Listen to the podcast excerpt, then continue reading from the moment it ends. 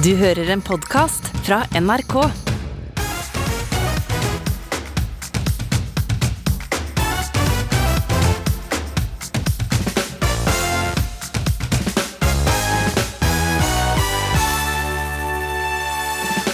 Atle Antonsen oppførte seg forferdelig dårlig den kvelden på Bar Boka. Det sier advokaten hans. Men hva med alle de andre som var til stede og ikke grep inn? De satt bare der, litt sånn lamslått. De sa veldig lite. Hvis de sa noe, snakka de veldig lavt. Du får høre mer fra venninna til Sumaya Jirde Ali og om rasismesaken mot komikeren når vi snakker om tilskuereffekten litt senere. Det blir også nakenbading, sigging og skåling i det som kanskje kan være Norges svar på Las Vegas. Eh, Men alt i alt en av de absolutt beste kveldene jeg har hatt i hele mitt liv. Det er sånn hands down. Var Sofie Elises nattbad et vellykka PR-stunt? Vi tar debatten. Velkommen til ukeslutt. Jeg heter Marte Kaasa Arntzen. Presidenten i Det internasjonale fotballforbundet han gir altså pressen en overhaling for omtalen av VM. NRKs journalister de er til stede på det omstridte mesterskapet, og vi skal høre med dem hva de tenker om å få Fifa-kjeft litt senere. Velkommen til Kongen befaler skuffelse spesial. Her hørte du Atle Antonsen i Kongen befaler på TV Norge torsdag, en episode som ble lagd for en god stund siden. I går kom altså nyheten om at statsadvokaten henlegger rasismesaken mot den kjente komikeren. Selv har Antonsen beklaga på Facebook at han utsatte samfunnsdebattant Sumaya Jirde Ali for det han kaller en katastrofe, og at han aldri har tenkt at det kan være mulig for ham å være rasistisk. Men hva med alle de andre gjestene i baren den kvelden? Hvorfor er det så vanskelig å gripe inn i sånne situasjoner? Det har reporter Kari Li forsøkt å finne ut. De satt bare der, litt sånn lamslått. De sa veldig lite. Hvis de sa noe, snakka de veldig lavt. Akkurat som de nesten ikke ville dra oppmerksomhet til seg selv. De, bare, de prøvde å gjøre seg selv usynlige for å unngå å bli dratt inn i en vanskelig situasjon. Det er en lørdag i oktober, og Katrine Linn Kristiansen konstaterer at det ikke er noe hjelp å få fra de andre gjestene på Bar Bocca på Grünerløkka i Oslo. Kristiansen, som er leder i Kvinnefronten, sitter sammen med venninna og samfunnsdebattanten Sumaya Jirde Ali. Foran dem står komiker Atle Antonsen. Og jeg klarer ikke å se i øynene hans, eller om han smiler, eller om det er noe glimt i øyet, eller noe sånt. da. Han bare virker veldig forbanna, egentlig. Og litt sånn grenseløs. At han ikke er mulig å roe ned. Og veldig full, selvfølgelig.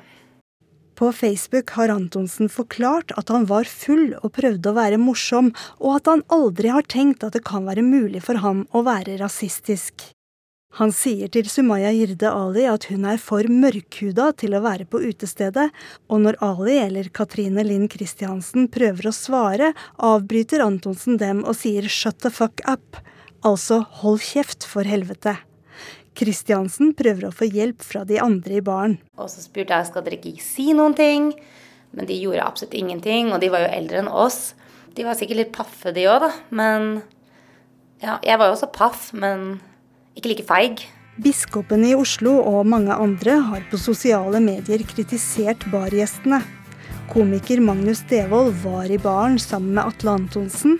Han vil ikke snakke med Ukeslutt, men skriver på Instagram at han ikke greip inn fordi han ble paff og reagerte med vantro. Siden han blir sett opp til av de andre komikerne som var der, så er det veldig vanskelig. På gata har folk forståelse for Devold og de andre bargjestene. Jeg hadde vært eh, nervøs for å gripe inn overfor Atle Antonsen. Men mot en helt fremmed, ikke kjent person, da tror jeg det hadde vært enklere. Det er jo noen som hadde gripet inn uansett, men på et utested når du er blant mange folk, så er det OK, hvis jeg griper inn nå, hvem kommer til å gå på meg da? Men er det ikke litt det som er kulturen i Norge, at eh, vi passer på oss sjøl? Det er litt sånn eh, vi ser en annen vei når vi, når vi opplever noe som er urett overfor andre. Personlig er jeg veldig glad for at Atle ikke har funnet ut hvilken hudfarge jeg har. Komiker Johan Golden gjorde narr av sin venn og programlederkollega Atle Antonsen i Nytt på Nytt i går. Ifølge Golden var Antonsen helt klart rasistisk. Nå skal det sies at Vi har jo sånn Atle-alarm hjemme hos meg. Hver gang han ringer på, så gjemmer jeg jo unga og på med lusekofte og setter på Creedence Clearwater Revival. Og bare det bruneste som er der, er en brun ost. Og så diskuterer vi været, rett og slett. Når så mange er enige om at Antonsen gikk over streken, hvorfor er det da så vanskelig å si fra? Jeg heter Torgeir Kasshus, jeg er professor i sosialantropologi ved Oslo OsloMet. Det er jo flere som kritiserer, deriblant eh, biskopen i Oslo, at eh, ingen greip inn da Atle Antonsen hetsa Sumaya Jirde Ali. Betyr det at ingen brydde seg, eller hva betyr det egentlig?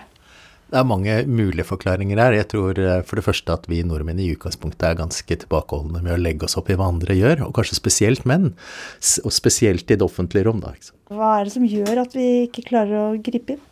Noe har nok med det som kalles tilskuereffekten å gjøre. At vi tenker at alle andre tar seg av dette, og at jeg, hva vet jeg, kanskje. Men samtidig så er dette, dette stedet et ganske lite sted, så det er ikke så mange andre å se på. Å, som, så det burde vært naturlig å gjøre det ganske umiddelbart. Samtidig så er Atle Antonsen en svær mann, og som er også på TV har vært berømt for å late som han er sinna, og det ser ganske skremmende ut. Så det kan hende at det også i seg selv var avskrekkende. Johan? Skal jeg dø nå?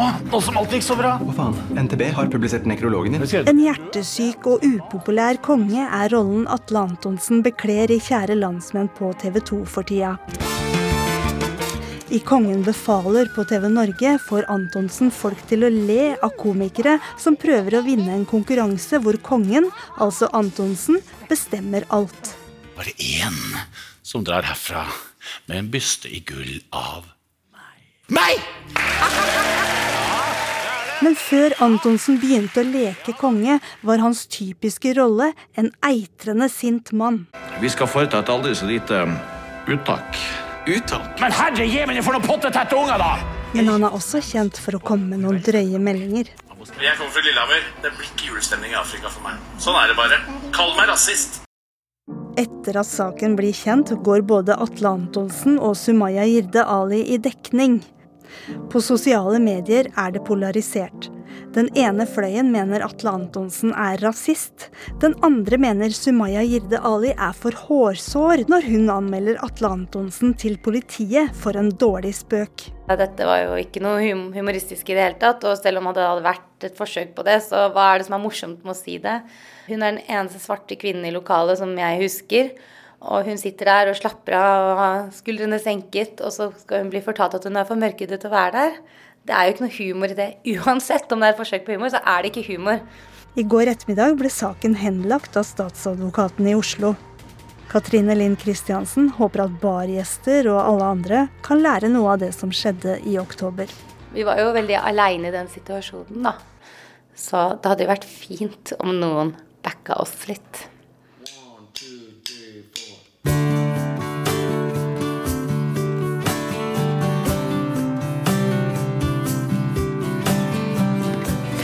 Rødvin, nakenbading og sigging. Det er jo ikke noe man vanligvis driver med i en offentlig svømmehall. Og Det er selvsagt ikke lov i Lustrabadet i Sogn heller. Allikevel så var det nettopp dette påvirkerne Sofie Elise Isaksen, Nora Haukland og Maria Wang Brandt gjorde da de besøkte badelandet. Norgesferie blir skandale.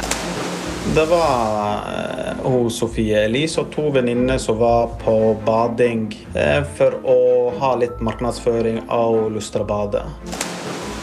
Og så er vi der, så ble det litt skandale for at de drakk uh, alkohol der og røyka sigg utendørs. Ja, mye hopping i vannet her. Lustrabadet de har uh, lagt seg flate og avviser at de har uh, betalt for å, den Insta, for å få besøk av den instavennlige trioen. Men her står nå vi i ukeslutt en lørdag og snakker om det som har fått navnet Badelandgate, da. Og så har vi fått besøk av Dag Inge Fjell, som er lektor på Høgskolen Kristiania, og Mathilde Hoksnes, som er doktorgradsstipendiat samme sted. Kan begynne med deg, eh, Fjell. Du sier at Lustrabad har potensial til å bli Norges svar på Las Vegas. Hva legger du i det? Ja, nei, altså Vi mangler jo et sted da, som er ordentlig hedonistisk i Norge. Hvor man kan slå seg løs og røyke sigaretter og champagne og nakenbad osv. Og, og det er noe med lyst-r. Det er noe med lyst-delene her som ligger latent. Og så er det det at eh, for at noe skal fremstå tydelig, så må du ha en kontrast. Så jeg ser veldig for meg disse eh, skal vi si, skremte bedehustantene da, i Sognefjorden her, som, som, står og ser med skrekk på hva som har skjedd med bygda. Så Domma Gomorra har kommet her. Og det er det som skaper noe Las Vegas-aktig.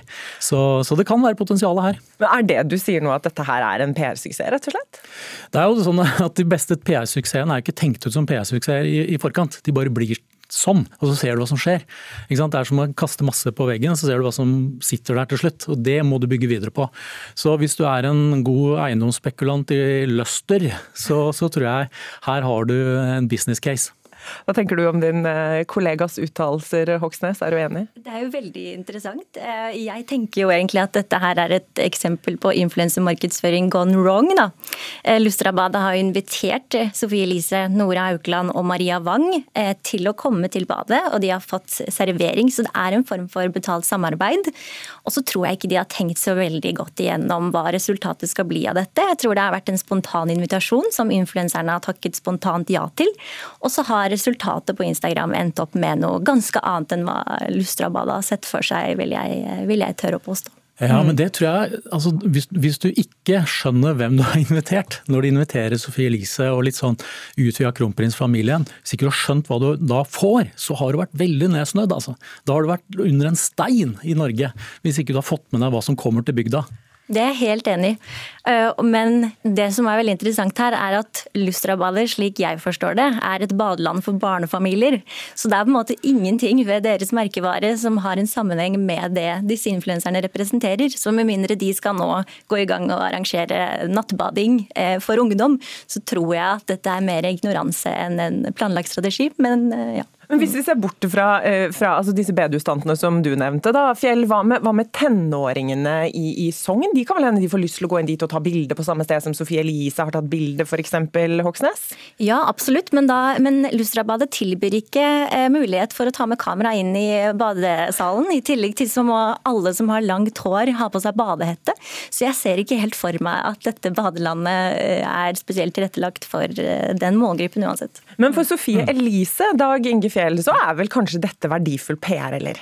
Ja, dette er sånn som hun opererer. ikke sant? Først så gjør hun noe, og så drar hun på voldsomt. sånn at Det blir en sak, det blir noen skandale, det blir en storm. Og så, og så, rir hun litt på den stormen, er litt uh, utilgjengelig, kommenterer at det var det fælt av. Hvor mange som hadde noe å si på dette her? Er vi ikke forbi dette? Er vi ikke i 2022 nå, liksom? Og så tar hun siste fase, det er å snakke ut etter stormen. Så Dette er en sånn mediedramaturgi som hun kjører jevnlig. Og hun må det, fordi hun må holde seg varm, hun må holde navnet sitt oppe der oppe, sånn at hun får mange til å legge merke til ah, har hun gjort noe igjen nå. Og så holder hun fansen sin i, i skal vi si, ånde. da. Så Dette er påfyll av det hun alltid holdt på med, og hun, som hun er briljant til å, å, å utøve. Ja, for Lustrabadet bør ikke bruke henne, sier du Mathilde Hoksnes. Hvem bør benytte seg av den påvirkekraften Sofie Elise har? Altså, jeg tenker at det er merkevarer som, som, har, eh, som har, en relasjon til hennes merkevarer. Eh, altså Skjønnhetsmerker f.eks. Undertøy, eh, klesmerker, som hun også allerede samarbeider godt med. Passer godt sammen med hennes merkevare. Men så tenker jeg for Lustrabadet, det finnes jo mange influensere som har et småbarnsliv-narrativ f.eks., som de kunne samarbeidet med. Men jeg har en, også en kommentar til det som ble sagt tidligere. Jeg tror også at Sofie Elise har fått mest mest ut av dette. Eh, og det har vært gøy å følge med på eh, Instagram-profilen til Sofie Elise og Nora Haukeland i ettertid. Fordi Nora Haukeland kom med en beklagelse for et par dager siden og hun var lei seg over at så mange har reagert negativt på dette. Men så ser vi samtidig at begge influenserne har highlighted bildene fra denne mm, kvelden på profilene deres. Og dette er bilder som i utgangspunktet skulle vare i 24 timer, men nå kan vi, vi kan fortsatt se disse bildene veldig sentralt på profilen deres. Så det er klart at de dyrker denne settingen, så det er jeg veldig enig i. Men tenk deg hvor mange badeland, tenk deg hvor mange spa det er i Norge. ikke sant? Hva er det som differensierer dem? Jo, Larvik spa, da kan du gå naken ned, og så er det der Stein Erik Hagen holder til. Eh, mens Lyster, ikke sant? hva er det de da i utgangspunktet har eh, og gjenkjennbarhet? Jo, det var der det skandalen skjedde. ikke sant? Så nå har du to sånne ytterpunkter. Og det er igjen ikke sant, knallhard konkurranse.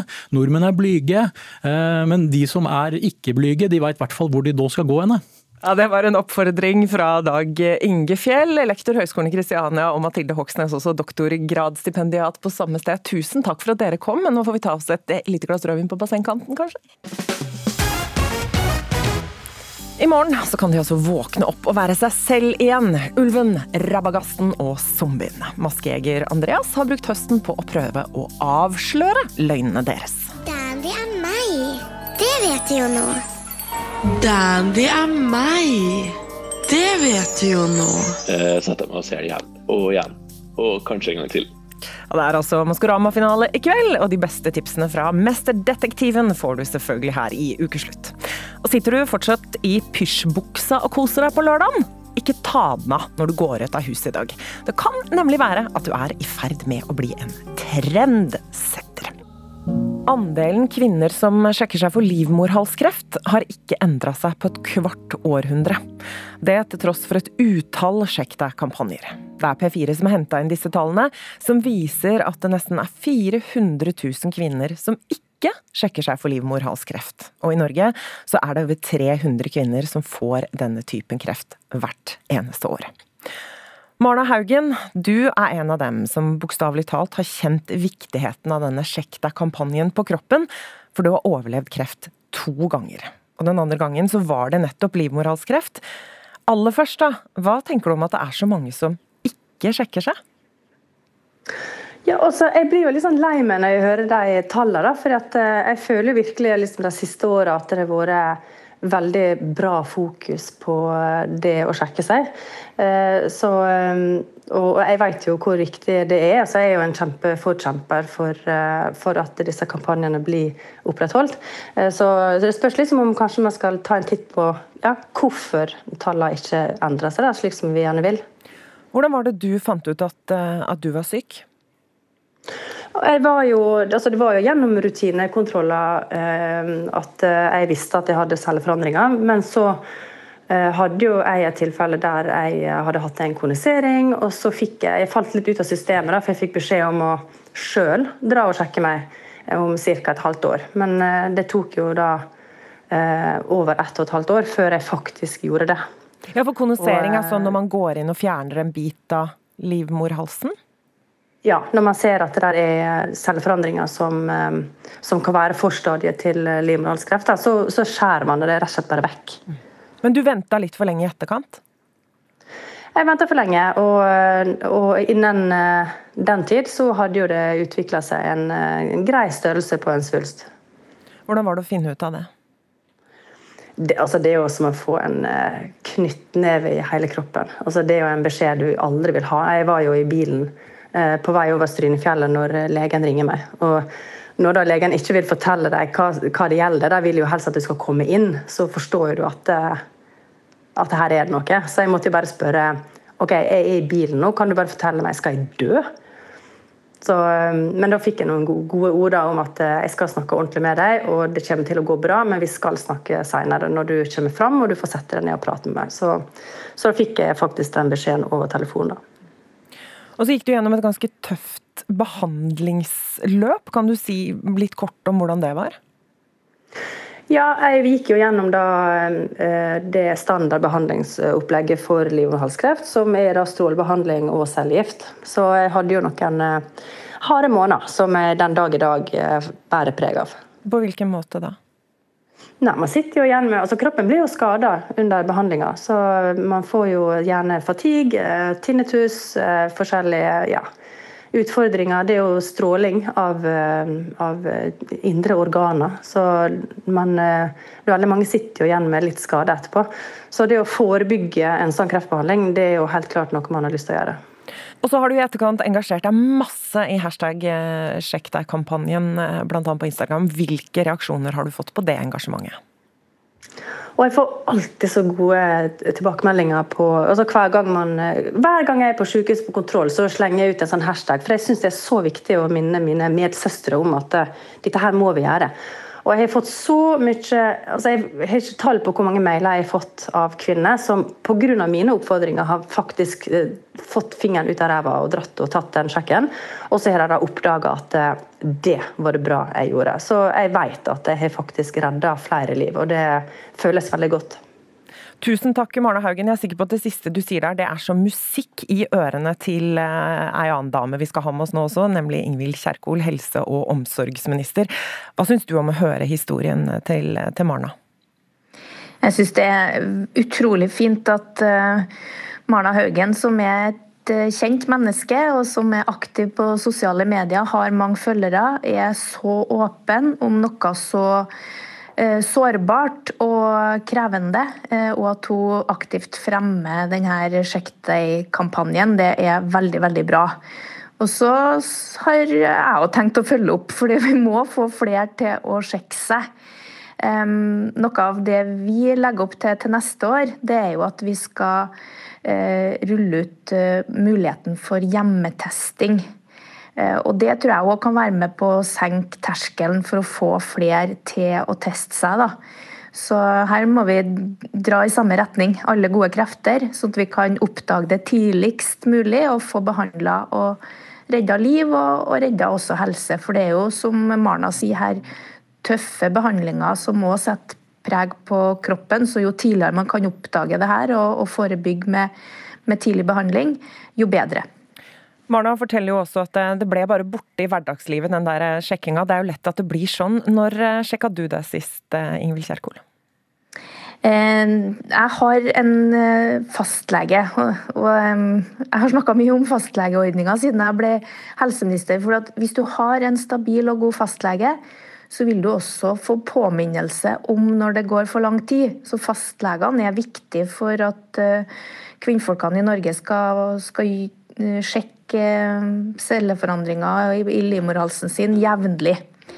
Um, så det var nå sist jeg var til fastlegen, da. det husket jeg på stående fot. Men uh, jeg får innkalling når det har gått for lang tid. Tusen takk til både Marna Haugen og til Ingvild Kjerkol. Snu deg rundt og ta av deg maska! Av Ja, med maska i kveld så faller endelig maskene. Rabagassen, ulven og zombien skal avsløres. Og uansett om du som hører på nå har latt deg begeistre eller irritere av Maskorama, så bør du iallfall la deg imponere over det detektiven vi skal møte nå. Han har altså gått så langt i jakta på Maskoramas svar at han nå bare går under navnet Analyse-Andreas. Hei, jeg er Andreas Solhammer Belbo, også kjent som Analyse-Andreas i Maskorama-podkasten. Jeg har jo vært veldig glad i sånne gåter i Donald-bladene og krimgåtene og sånt. Så på en måte, jeg kjenner på en måte igjen litt den stilen. da. Så det har vært i Mickey Mouse-klubben og den slags, det betaler seg til slutt? Ja, det gjør det, faktisk. I motsetning til Mikke Mus har ikke denne detektiven forstørrelsesglass, hatt eller frakk, men er rustet med PC, hodetelefoner og en selvlysende grønn lugg. Ja. Liten hyllest til trollet, kanskje? Ja, å ja! Selvfølgelig. Og den som må ta av seg maska og avsløre sin identitet, er Huldra! Det er bare tre masker igjen å avsløre på Maskorama-scenen. Zombien, ulven og rabagasten etter at Alexandra Joner måtte ta av sin Huldra-maske forrige lørdag. Altså, dette har vært det sjukeste jeg har vært med på i hele mitt liv! Jeg har mistet vennene mine. Jeg har ikke turt å ta telefonen. Jeg har ikke turt å være på fest, for alle har spurt meg om jeg har vært på Maskorama. Jeg, sånn, Jeg er den dårligste løgneren ever. Hintvideoene spoles fram og tilbake, og tusenvis drøfter teorier i Maskorama-diskusjonsgrupper på nett. Ok, Det er én person vi ikke har snakka om, og alt jeg har nevnt foreløpig, er bare blitt avskrevet, så vi må ta opp det her. For det her bare poff kom til meg i dag da jeg kjørte bil. På TikTok florerer teoriene, og detektivmetodene er kreative. Som da noen forvrengte stemmen til Dandy tilbake til normal stemme. Dandy er meg. Det vet du jo nå. Dandy er meg. Det vet du jo nå. Men Analyse-Andreas går så grundig til verks at han har blitt fast analytiker i Maskorama-podkasten. Han sjekker nemlig alibiene til de mistenkte. Nei, så Siden sist da, så har jeg jo fått sjekka ut Kalle Hellevang Larsen. Han i Raske menn. Mm. Han skal jo ha noe et premiereshow i dag. Og så har jeg også eh, sjekka ut Kronprinsen. Fjorårets vinner Snømonsteret, også kjent som Didrik Solli Tangen, prøvde å skaffe seg alibi ved å dra på P3 Gull samme kveld som han var med på Maskorama. Eh, og da var det sånn løpe ut i bilen og bare komme seg fortest mulig eh, til P3 Gull. da. Så det, det var, vi, vi var ganske fornøyde når vi fikk gjennom den. Men det lurte ikke Andreas. Han sitter nemlig med klokke og sekunderer hvor lang tid det tar for en mistenkt å forflytte seg fra et sted til et annet. Som da han mistenkte at Atle Pettersen var zombien, men han var jo med på Skal vi danse samtidig. Og det hadde ikke gått, for det var 15 minutter unna med bil, og da med forberedelser og ta på kostyme og sånt. Nei, da, da går det ikke, tror jeg. Vi gjør stort sett som vi vil, men man kommer ingen vei her i livet, helt av seg sjøl. Ellers er det viktig å merke seg hvilke hint som går igjen. Sånn som ketsjup og sennepflasker, de er ikke så veldig tydelige, men de dukker opp sånn i hjørnet av skjermen sånn nå og da i løpet av flere sånne hintvideoer. Så plutselig så kan jo det være viktig, og da nå skjønte jeg jo plutselig hvorfor. Mange har nemlig Øystein Pølsa Pettersen som hovedmistenkt på Rabagassen. Så da må jeg jo prøve meg på litt detektivarbeid, jeg også. Hallo, Øystein. Ja, hei sann, det er eh, Lim Beate Gabrielsen i Ukeslutt i NRK som ringer. Hei. Hei! Jeg har en liten uh, hilsen fra Analyse, Andreas. Han, sier- han har vist meg chatteloggen deres, og så lurer vi veldig på Ja, han driver og chatter. Altså, han plager meg jo først. Det er ulven. Og det er veldig bra at han ikke var med i fjor. Da, for at da hadde jo, I fjor var jo nissen. Og I år har jeg vært både ulv og rabagast. og Det blir jo veldig gøy hvis jeg eh, hvis det viser seg at jeg er zombien. Det hadde vært veldig ålreit for meg, for han kan jo synge òg. Så, så det er jeg veldig spent på. Han skal få med seg Maskorama på lørdag, sier han. Men om det er fra sofaen eller Maskorama-scenen, nei, det er jeg fortsatt usikker på. Heia de som vinner, er ikke det de sier? I like måte måtte den beste vinne. Ja, ja. men da, vet, da blir det zombien. Da blir det zombien. Da håper jeg er zombien. Lykke til. Takk skal du ha. Jeg skjønner ikke hva du mener, men eh, takk. Vi får kose oss. Ja, ha det godt. Reporter og nå også detektiv altså Linn Beate Gabrielsen. Og hvis du som hører på har lyst til å stifte bekjentskap med en helt ny og hevngjerrig Maskorama-karakter som gjør førjulstida sur for Arbeiderpartiet, ja, da drar vi maska av Mister Vendetta litt senere i sendinga. Og så føles det altså uendelig lenge siden Bent Høie roste russen opp i skyene.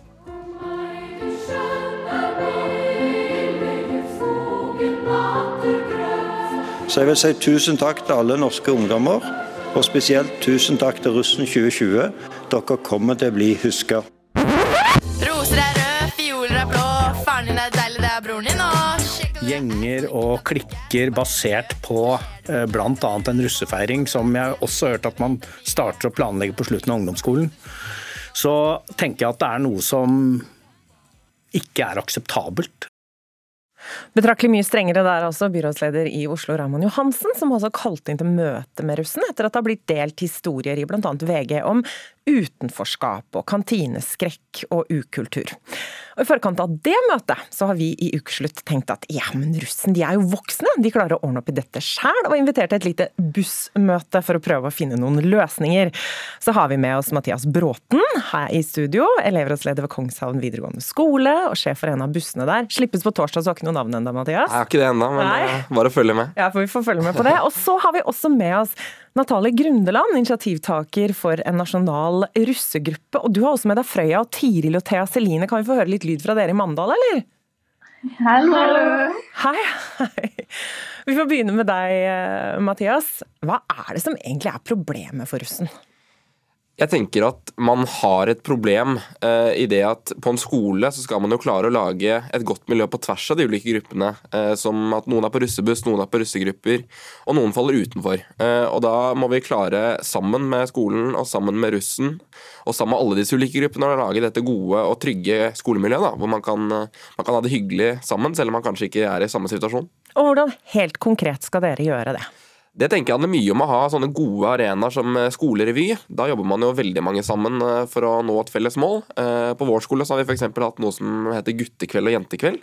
Som er arrangert av, av miljøarbeiderne på kveldstid.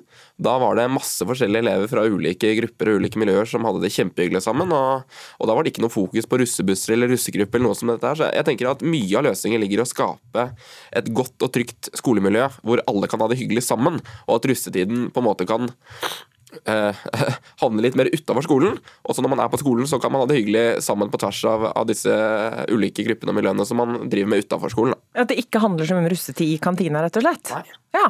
Eh, det er jo russebussene som får mye av skylda for utenforskapet her. Du er jo med på en av dem. Hvordan føles det?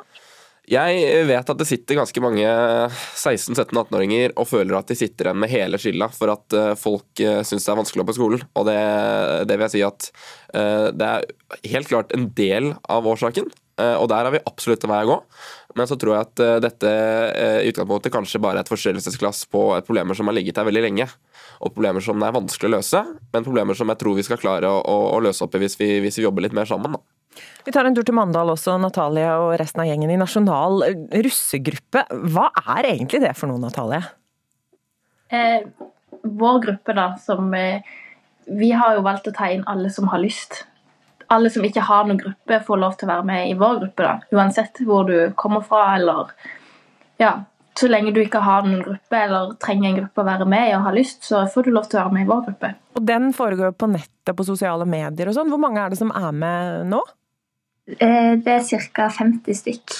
Ja, og Hvordan sørger dere for å ta godt vare på hverandre og kjenne på tilhørighet i den gruppa?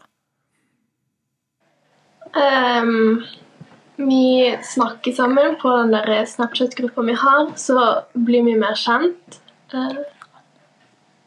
Ja. Og så skal vi jo eh, eh, Vi har jo logoer sånn som alle andre russegrupper, og så skal vi jo ha gensere som alle som er med i gruppa, får lov til å bestille hvis de har lyst til det. Sånn som alle andre grupper. Og det at en person en annen plass kan få lov til å gå med en gruppegrenser, kan jo hjelpe den personen til å føle at den har en slags tilhørighet. da. Ja, men Hvis man sitter alene på do og spiser lunsj hver dag i Ullern, hjelper det da å vite at noen i Bodø går med samme genser? Man kan jo føle at man tilhører en plass, på en måte. Selv om det ikke er akkurat der, da. Men bussen din Mathias, burde jo bli med i denne nasjonale russegruppa til Natalie og resten av gjengen. Hva tenker du om det? Uh, jeg tenker at det er et kjempegodt initiativ. Uh, et veldig veldig fint initiativ. Og jeg håper absolutt at det kommer til å, å løse opp i noen av de problemene man, man har der. Og så tror jeg at målet ikke nødvendigvis vil være å ha verken flere eller færre russebusser, men å, å, ha sånne gode, fine løsninger som dette her kan jo bidra til at alle blir inkludert. Og at man kan uh, lage gode løsninger på tvers av disse ulike gruppene. At uh, kanskje deres russegruppe og, og, andre russebusser kan finne på hyggelige ting sammen i russetiden. Hvilke forventninger har du til uh, møtet hos byrådslederen, da? Jeg har forventning til at det blir en, eh, en eh, ja, som Raymond sa forrige gang, vi skal snakke med innestemme. Um, og at vi skal ha en hyggelig og konstruktiv samtale der vi kan komme med konkrete og gode løsninger istedenfor å, å peke finger. Og jeg tror at hvis, hvis vi samles og, og, har en god samtale, så, så, kan vi finne gode løsninger som alle kan være fornøyd med. Og så er det sikkert dette forferdelig gamlis å spørre om Natalia og resten av gjengen i Mandal, men har dere et sånn russerop til oss til slutt, eller som vi kan få med oss? Eller driver dere med det nå? Vi har vel egentlig ikke det. Nei, men da får, da får det være en oppfordring fra Ukeslutt å lage seg sånn godt gammeldags skikkelakke gamlisrop. Tusen takk til Mathias Bråten, elevrådsleder ved Kongshaug videregående skole, og takk til Natalie Grundeland og Frøya og Tiril og Thea Celine i Nasjonal russegruppe med oss fra Mandal. Enda en gang har Europa holdt pusten og kjent på frykten for storkrig. Her traff en av rakettene hvem som sendte dem til Polen, og om det var med vilje, er ikke kjent.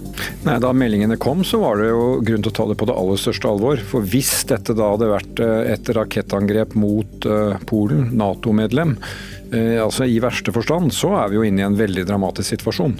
Et av krisemøtene foregikk i dag i Natos hovedkvarter. But we have no indication that this was the result of a deliberate attack. På tirsdag kveld så traff altså et missil et kornlager og drepte to mennesker i en polsk landsby bare få kilometer fra den ukrainske grensa. Mange trodde en stund at dette var et russisk missil, og at vi nå sto overfor ei kraftig opptrapping av krigen. Det ble altså hastemøte i Nato, men så var dette trolig et ukrainsk luftvernsmissil på avveie. Og korrespondent Roger Severin Bruland, du er med oss fra Odessa i eh, Ukraina. Hvordan vil du oppsummere situasjonen og status akkurat nå? Ja, altså Uansett uh, om det hadde vært et russisk missil eller ikke, så hadde jo det ikke utløst artikkel 5. Det hadde vært artikkel 4, og en hadde konsultert om det. Og en hadde nok uh, kanskje da respondert uh, ved å gi f.eks. Ukraina noen våpensystem som de ikke hadde fra før av. Men, men, jeg tror vi var langt, langt unna tredje verdenskrig, selv om selvfølgelig dramatisk situasjon. Og jeg vil jo legge til at situasjonen var jo enda mer dramatisk for eh, de som var i Ukraina. For du må huske på, det ble jo skutt inn over 100 missil over ti ukrainske byer på tirsdag. Så eh, kanskje ikke så rart at noen av dem eh, førte med seg at det, det som skjedde i Polen. men men situasjonen er jo veldig veldig mye mer dramatisk i, i Ukraina for, sivilbefolkninga der. Ja, For det er millioner som har mista strømmen? Ja, det er jo litt spesielt. Og det får jo litt sånne rare um, utslag, sånn som jeg var rundt og kjørte i Odessa i går, så virka jo ikke altså, lysa i lyskryssa. Og da blir det jo kaos i trafikken. Det er jo sånne ting en ikke tenker på. Når lyskryssene ikke virker, de blinker ikke gult engang, det er bare svart. Og gatene er mørke, så folk er ikke så flinke å bruke refleks, så det er vanskelig å se folk. Og så er det jo det at en ikke får dusja, en fryser. Spesielt folk som har uh, ulike handikap, har jo kjempeproblem uh, med å f.eks. få laga seg mat uh, fordi at en ikke har strøm. så det er mange som lider pga. det her. og, og nå har det vel gått tre dager der store deler av Odessa ikke har hatt strøm. og det, det sliter på folk, selvfølgelig samtidig som at flyalarmen går ustanselig.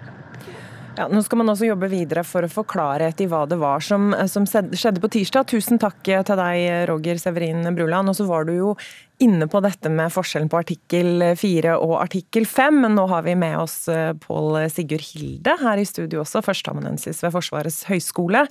Og så ble det snakk om artikkel 4, som, som Roger nevnte her, at Polen vurderte å utløse den eh, på tirsdag.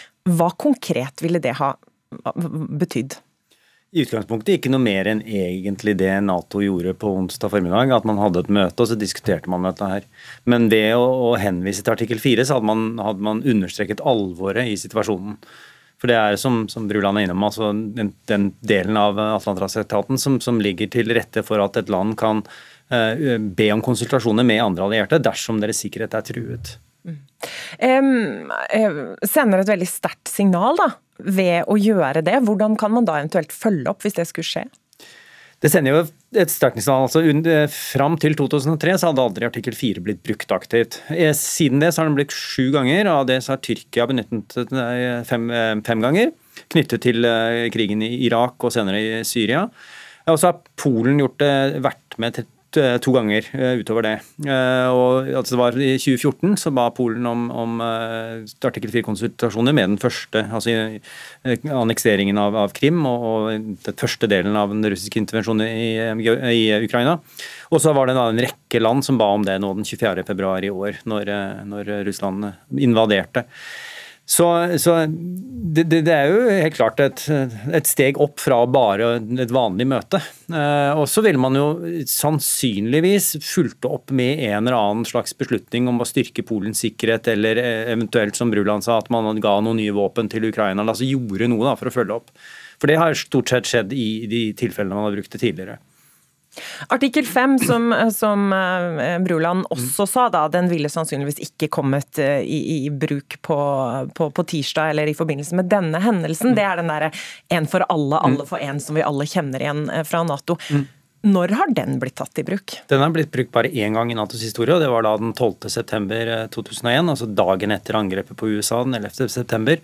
Da erklærte de allierte at dersom dette angrepet var rettet mot USA utenifra, så ville det være regnet som et angrep i, i betydningen av artikkel 5. Og det er jo liksom, Dette med rettet utenfra er jo for, for, dersom det hadde vist seg at det var hjemlig terrorisme, at det var en eller annen sånn høyreekstrem gruppe i USA som hadde gjort det, så hadde det jo åpenbart ikke vært et angrep som kunne regnes som artikkel 5. Men det fikk man jo da bekreftet i jeg tror det var den 3. oktober 2001. og så skjedde det for så vidt ikke veldig mye, fordi USA ønsket ikke å bruke Nato som eh, ramme for, for eh, den eh, påfølgende da, invasjonen i Afghanistan for å ta Al Qaida og, og sånn sett Taliban. Så, så, selv i en artikkel 5-situasjon så er det ikke nødvendigvis slik at Nato går til krig med noen. Men da fulgte man jo selvfølgelig opp med diverse støtteoperasjoner. altså Man hadde sendte sånne overvåkningsfly til USA i en operasjon som het Eagle Assist. Og så hadde man da eh, Litt senere så opprettet man en sånn overvåkningsoperasjon i, i Middelhavet som, eh, som het uh, Active Endeavour, tror jeg det var, hvis jeg husker riktig. Som varte i, altså frem til 2016. og Det, den, det har vært den eneste lengevarende sånn artikkel 5-operasjonen uh, i, i Nato. I hvilke situasjoner kan vi se for oss at eh, artikkel 5 ville tatt i bruk i den situasjonen vi ser i Europa i dag? Det ville vært om, om Russland gikk til, til, målrettet angrep mot Polen. Altså, for eksempel, altså tenkt scenario ville være at Polen, altså Russland er veldig klar over at Polen er eh, transittland for en hel masse av den militære støtten som Ukraina får. Og Der er det bl.a. en flyplass øst i Polen som heter Zjezjov, som, som er dit veldig mye kommer. Så hvis Russland altså, aktivt hadde gått inn for å angripe den flyplassen der, så hadde det vært uh, veldig nærliggende at man hadde utløst artikkel 5. Men da må man også være helt sikker, det skal mye mer til enn bare et missil på avveie? Ja, ja, ja. Det skal det være et væpnet angrep, som det står også i, i artikkel 5. At det, hvis, hvis, en av partene blir utsatt for et væpnet angrep, så, så vil man kunne utløse denne artikkelen. Pål Sigurd Hilde, Tusen takk for at du kom til Ukeslutt for å lære oss litt om både artikkel 4 og 5. Du er altså førsteamanuensis ved Forsvarets høgskole. Det strømma inn med folk som ville hjelpe, etter at 24 år gamle Amalie Engen fortalte om sin vanskelige førjulstid på Debatten denne uka, uten penger til å kjøpe verken julepynt eller gaver. Vi tok initiativ til at hun fikk møte en av de som hadde veldig lyst til å hjelpe. Og det møtet det skjedde ved julemarkedet i Karl Johan. Og da kom altså julestemningen fram hos både giver og mottaker. Husk at det er juletid, og da skal alle være blide og glade. Det er nisseglede, lukt av smultring og jul på julemarkedet i Oslo sentrum. Men det er ikke så lett for alle å komme i julestemning når man sliter med å få endene til å møtes. En av dem som har det vanskelig, er 24 år gamle Amalie Engen. Litt ekstra tøft nå mot juletider, for jeg har jo ikke penger til å prioritere da julepynt eller å gjøre det koselig for meg sjøl. Spesielt når jeg skal være alene i jula også. Nå har vi den her I TV-programmet Debatten sto hun og flere andre fram og fortalte om deres situasjon. Det gjorde så inntrykk på Fredrik Solvang at han begynte å gråte på direkten. Vi har også snakket med Frelsesarmeen. Og de forteller om en kraftig økning i husstander som oppsøker Frelsesarmeens matutdeling. Etter TV-programmet fikk Amalie Engen en drøss med omtanke og henvendelser. Veldig mange gode mennesker der ute som har tilbudt seg å hjelpe meg. Både med julepynt og alt annet jeg skulle trenge. Klær, mat. Eh, egentlig alt. Det, det er, er litt sånn i sjokk. Jeg tenker sånn wow. Det har virkelig gjort inntrykk på meg. Jeg følte meg ensom og tom og forlatt da du viste du tenkte på meg. Vi i Ukeslutt har tatt initiativ til å la Amalie få møte en av de gode hjelperne. Tonje Granmo følte en trang til å bidra da hun så Amalie på TV. Det er jo fordi at hun er ung, da, så de blir litt ekstra når vi er sånn cirka i samme aldersgruppe. Så de får jo sånn ekstra inntrykk når eh, jeg så henne på Debatten. Så er jeg veldig glad i jula, da, så da kan håpe at jeg kan bidra og gi litt glede. Nå har hun saumfart både skuffer og skap, og funnet fram små og store førjulsgaver. Her har vi da en sånn uh, adventsstjerne. En som du kan henge i vinduet. Uh, og så er det noen klær her. Ja.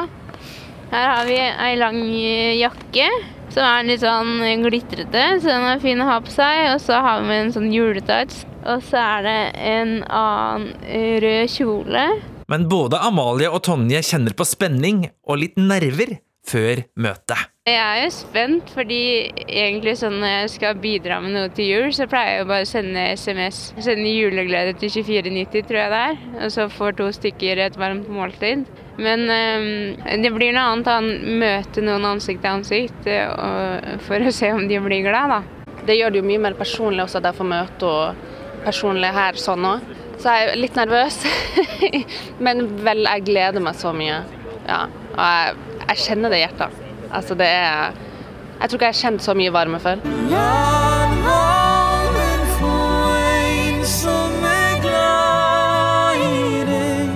Forskning fra bl.a. Harvard viser at vi mennesker ikke bare blir lykkelige av å få gaver og tjenester, men å gi. Og både giver og mottaker kjenner en ekte førjulsglede i hjertet når gavene blir overrakt og de faller i smak. Hei. Hei. Tonje. Amalie. Hyggelig. Hyggelig. Jeg har med det her til deg. Oi. Det er hjertelig, her. Litt, og så har jeg mer senere. Men jeg har ikke fått rydda boden ordentlig ennå. Jeg setter så stor pris på det. Så det er litt av hvert. Wow. Og litt klær her også. Ja. Vet du hva, Sånn her hadde jeg faktisk ønska meg oh, ja. skikkelig mye. Ja. En adventsstjerne som man kan henge opp og ha stearinlys i. Det var masse fint her. Jeg er veldig glad i farger, så Og så tenkte jeg liksom rød, det er jo jul. Ja, det er sant. Så ble jeg veldig rørt for at du har tatt deg tida til å komme hit og møtt meg og, og gitt meg det her. Jeg føler en sånn enorm varme for at det er folk der ute som tilbyr seg å hjelpe. Ingen er så lykkelig, og ingen så fri. Men jeg Nå kan jula komme også til Amalies hjem. Hun takker Tonje med både ord og en klem. Kan jeg få en klem av deg? Ja, selvfølgelig. Tusen takk. God jul til deg også. Du får ikke gå nå, gå inte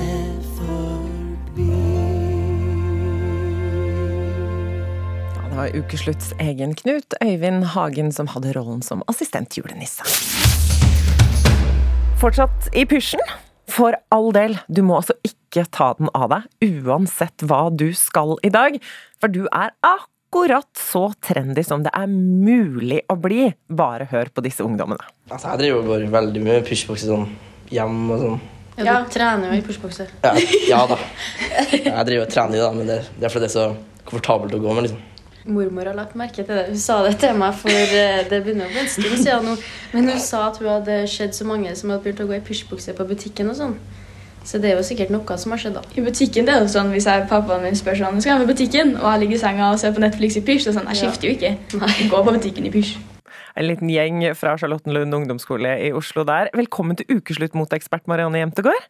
Ja, tusen takk, så hyggelig å være her. Du, hva er det som har skjedd med at pysj har blitt comme il faut på butikk og treningssenter? ja, ikke sant? Der er det jo flere teorier, og det er jo, det er jo gjerne de yngste dette her eh, gjelder for. da. Så, og det er jo de som er først ute med de siste trendene òg, og det går fort. Eh, en del av det skyldes kanskje den tiden som vi legger bak oss. Hjemmekontor eh, slash hjemmeskole og covid, og en stor hang til alt som er mykt og komfortabelt og har strikk i livet, både for liten og stor, egentlig. Mm. I tillegg så er jo TikTok en spesielt viktig motivasjonsfaktor for den yngre garde her også. Og der flommer det jo over av uh, unge, unge, gutter i uh, rutete pysjbukser, oversized hettegensere og hvite sokker i faktisk slip-on-tøfler. Uh, Og de får det til å fungere, altså, med synkrone danser og det ene og det andre, så da sprer det. Alt funker med synkrondans. Det er akkurat det. Så, så, så, så ja, det, det, det går fort, disse trendene her også, spesielt pga. Uh, TikTok. Um, hvorvidt det funker like bra for oss som uh, ja, kan legge en ekstra plusse ja, egentlig 20 år til på, den, på de, 19? de 19 der. Um, strides vel kanskje de lærde litt mer. Ja, for Hvilke pysjbukser er det vi snakker om for disse ungdommene? Det er den, den klassiske, litt sånn amerikanske, nesten sånn julepysjen. Det er uh, rutete bukser, gjerne i litt sånn rødtoner eller blåtoner.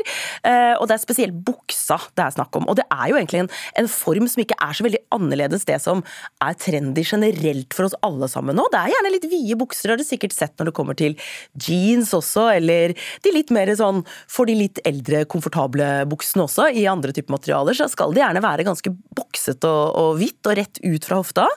Um, I tillegg så har jo disse buksene selvfølgelig, de pysjbuksene, de har jo da um, selvfølgelig snøring i, i livet. Så ja. Det er en god, klassisk, myk kosepysj. Hvilke andre komfortable ting, hvis vi tenker litt sånn motehistorisk, har plutselig blitt trendy? Uh, ja, eh, Uggsene som jeg nevnte i stad, er jo en ting som har kommet og gått veldig. Komfortabel fottøy er jo noe som vi har et sånn, eh, litt sånn elsk-hat-forhold til. Vi eh, savner det veldig når det ikke er trendy, og så kommer det tilbake på moten. Og så ser man på en måte hvor sånn, ofte nedtråkka og litt sånn vindskeive, og også litt våte egentlig de blir i løpet av vinterhalvåret. Og da forsvinner de gjerne vekk igjen en liten sesong. Kan vi få en god nyhet på tampen? Er Crocsen også på vei ut igjen nå? Crocsen er helt på vei ut, så ta det helt med ro. Det kommer noe mye mer spennende rundt neste neste sving. Bare vent og se. Lise Klaveness, den norske fotballpresidenten, har bedt om et møte med Gianni Infantino etter tordentalen Fifa-sjefen holdt i Qatar i dag. Today I feel uh, gay. Today I feel disabled. Today I feel uh, a migrant worker. Han bruker sin plattform til å fyre opp under en polarisering mellom eh, Europa og resten, og Uefa og resten. Det er det siste vi trenger. Sa så Lise Klavenes. Og sportsjournalist her i NRK, Andreas Hagen. Du var til stede da Infantino holdt talen sin i dag. Hvordan var stemningen i salen? Nei, den var eh, veldig spesiell. Jeg har ikke vært på veldig mange pressekonferanser med Gianni Infantino før. Det var vel aller første i mitt liv. Han er jo kjent for å holde lange monologer, eh, prate veldig mye uten å slippe til pressen. I dag tror jeg kanskje han satte en ny rekord. Han holdt altså på i 45 minutter før det ble åpna for eh, spørsmål. Og eh, som dere for så vidt fikk en liten smakebit på her, da. ja, slang ut ja, jeg vil jo si nesten raseri, både mot Europa, mot pressen. Eh, og mm, ja, det var litt lite sammenheng i den 45 minutters lange monologen. Og så skal det da slippes til journalister til slutt. og det var jo veldig veldig mange som ville stille spørsmål. Det var jo veldig mange journalister til stede, og det var veldig mange som ikke fikk gjort det. Og som ble sittende litt sånn måpende og ganske så forbanna igjen. Her hjemme så er jo også nettavisene fulle av sportskommentatorer som stiller seg uforstående og er sjokkert over det talen til Infantino. Hvordan, hvordan ble den mottatt av pressekorpset i Qatar? Uh, nei, altså Det dere fikk høre her nå, var jo helt i starten. Når han satte seg ned, så begynte han med å si dette Today I feel gay, I feel disabled osv. Uh, eh, og da ble det altså det det ble, det ble, veldig stille. Altså, jeg tipper at det var kanskje 100-200 journalister til stede, men utrolig hvor stille det kan være. Og så ble det litt sånn Man så litt på hverandre. Hva er, hva er det som kommer nå? Og etter hvert som talen fortsatte, så var det en del eh, risting på hodet og ja, ironisk latter. Så det var, eh, det var en spesiell seanse, det må jeg si. Hva gjør en sånn start med forventningen til det som allerede er en ganske betent pressesituasjon rundt dette mesterskapet? Ja, hva skal man svare på det? Altså, dette har jo ligget som et bakteppe nå ganske lenge. At det er et kontroversielt tildelt mesterskap. Veldig mange er jo enige om at dette mesterskapet skulle vel aldri ha vært her i Qatar. Og jeg eh, må si at eh, jeg stusser litt på hvilke rådgivere eh, Infantino har som har gitt han tommelen opp på det å bruke 45 minutter på å hamre løs i øst og vest, bokstavelig talt, før han slipper til et eneste spørsmål. Han har rådgivere som sier at det er en god strategi, for jeg tror ikke det blir noe mindre trøkk, og det blir ikke noe mindre fokus på det nå. Jeg snakker med en brasiliansk journalist, og de har jo kanskje en teori om at det kun er vi i Europa og Vest-Europa som er opptatt av disse spørsmålene gjelder brudd på menneskerettigheter osv. Og, så og kontroversene rundt tildelingen. Men han sier at dette også er en stor diskusjon i Brasil, og den blir definitivt ikke mindre etter det Infantini gjorde i dag. Det blir jo en sånn, som Lise Klame er inne på, uh, det er oss mot dere. sant? Det, jeg skjønner ikke at han, han kan være tjent med det. Høres ut som fuglene i Qatar også er sinte på, på dere journalister. Ja, nei, Vi står nede i en eh, marina nede i havnen her, så det kom noen fugler akkurat nå. Så ja da. Hva er forventningene til åpningen av mesterskapet i morgen, da? Eh, nei, altså, man, eh, altså Her i Doha, da, som vi eh, bor, som jo de aller fleste kampene skal spilles i, det er jo et veldig komprimert eh, mesterskap. Har vel aldri blitt spilt et VM med så korte avstander. Så, så virker det jo som at de har alt på stell, og det skulle jo bare mange. De har jo brukt altså, er over 200 milliarder dollar på å uh, bygge uh, og, og, og til dette mesterskapet. Så det er klart at det- det bør gå bra. Eh, Arenaene ser jo fantastiske ut. Man merker på folk i gatene at de er eh, spente, det er mye smil, det er mye glede. Så akkurat for de som bor her, eh, og vi bor jo i et eh, område som altså Du kan jo knapt bo i et område i Doha som ikke er eh, hvor det er mye penger, men folk velger veldig sånn eh, Velkommen til oss. Nå skal vi vise dere hvor flott dette kan være. Og det kommer sikkert til å se veldig flott ut også, men eh, ja, du skulle kanskje aldri vært her uansett. Andreas Hagen, takk til deg, sportsjournalist her i NRK. Så har vi med oss eh, Andrine Hegerberg også, fotballspiller og nå VM-ekspert for NRK. Og du takka virkelig ikke umiddelbart ja til eh, den jobben da du ble spurt. Eh, Hvorfor gjorde du ikke det? Det er, som alle andre kjenner jo på det her, at det er kontroversielt. Og skal man være med på det, så var jeg nødt til å gå runde, gå, en god runde med meg sjøl. Og så tok jeg og, og kontakta mange andre òg for å få innspill. Eh, Det er viktig for meg å, bedra, å være med og bidra til at debatten her er, pågår, og etter det mesterskapet her er ferdig. Eh, Og Da var det viktig for meg at jeg ikke motarbeider dem som allerede har vært i gang og starta den. Så jeg håper at det kan være med å bidra sånn at den etter 18.12. fortsatt er på tapeten. For at eh, Når vi ser på Infantino sin tale i dag, så er det ingen tvil om at dette er ikke siste gang vi står overfor eh, et slikt dilemma. Og fotballverden står jo i spagaten pga. det her. Hvem er det som har vært rådgiverne dine i denne prosessen? Det har jo vært mine nærmeste. da. Jeg har en familie som eh, har vært rådgivere gjennom min fotballkarriere òg. Hvor jeg har eh, stått i mange sånne her dilemmaer tidligere. Jeg har jo vært i to topp-topp-klubber i Europa som òg har vært sponsa av Qatar. Eh, Så det er jo om et, skal man si et kjent dilemma, så er det sånne små dilemmaer i min fotballhverdag som jeg har stått overfor tidligere òg. Og så har jeg forholdt meg med andre fotballspillere. Jeg tok en telefon til Lise Klavenes sjøl òg. Fikk noe innspill der. Og ikke minst Andreas Seljås, da, som var en viktig eh, sparepartner. Og um, tok òg en kontakt med han eh, Skau, som var tidlig på ballen og, og boikotta, eh, bare for å, å få et bilde på at uh, det her Alexander Skau, Mm. som var tidlig tidlig på banen uh, når det gjaldt å, å boikotte. Utrolig stor respekt for det de har gjort, uh, for det mener jeg var i startfasen her en viktig brikke til at uh, den debatten her har kommet så langt som den har gjort. Samtidig så har jeg spilt i utlandet nå i ti år. Og det er veldig interessant hvor langt vi har kommet i Norge eh, versus de andre landene. Også det at Andreas sier at nå begynner man å snakke om det i Brasil, det synes jeg er et kjempe, kjempepositivt tegn. Og det tror jeg i stor grad Lise sin eh, tale på talerstolen har vært med å bidra til.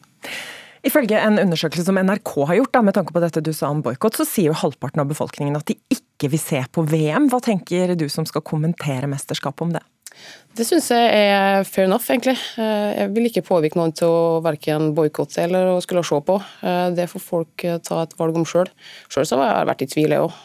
Jeg mener kanskje ikke at boikott har vært det riktige, men jeg skjønner at folk ikke makter rett og slett å se på når det har blitt tildelt på en måte gjort. Veien underveis, sånn som det er nå, i dag. Infantino, de signalene han sender nå, som er så fæl å få med seg. Det, det gjør at det går veldig inn på en, og jeg kjenner jo på det sjøl.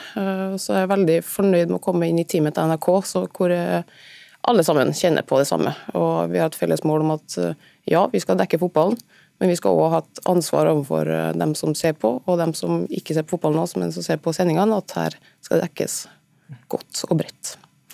Andrine Hegerberg, nå VM-ekspert for NRK altså. Tusen takk for at du kom til Ukeslutt. Ha fingre i kryss for at du som har hørt på Ukeslutt får ei skikkelig fin helg. Vi som har lagd sendinga i dag, det er Line Forsmo. Hun har vært ansvarlig, og så er det Hanne Lunås eh, som har kjørt teknikk. Og jeg heter Marte Kaasa Arntzen og håper at du får en skikkelig fin lørdag. Du har hørt en podkast fra NRK. De nyeste episodene hører du først i appen NRK Radio.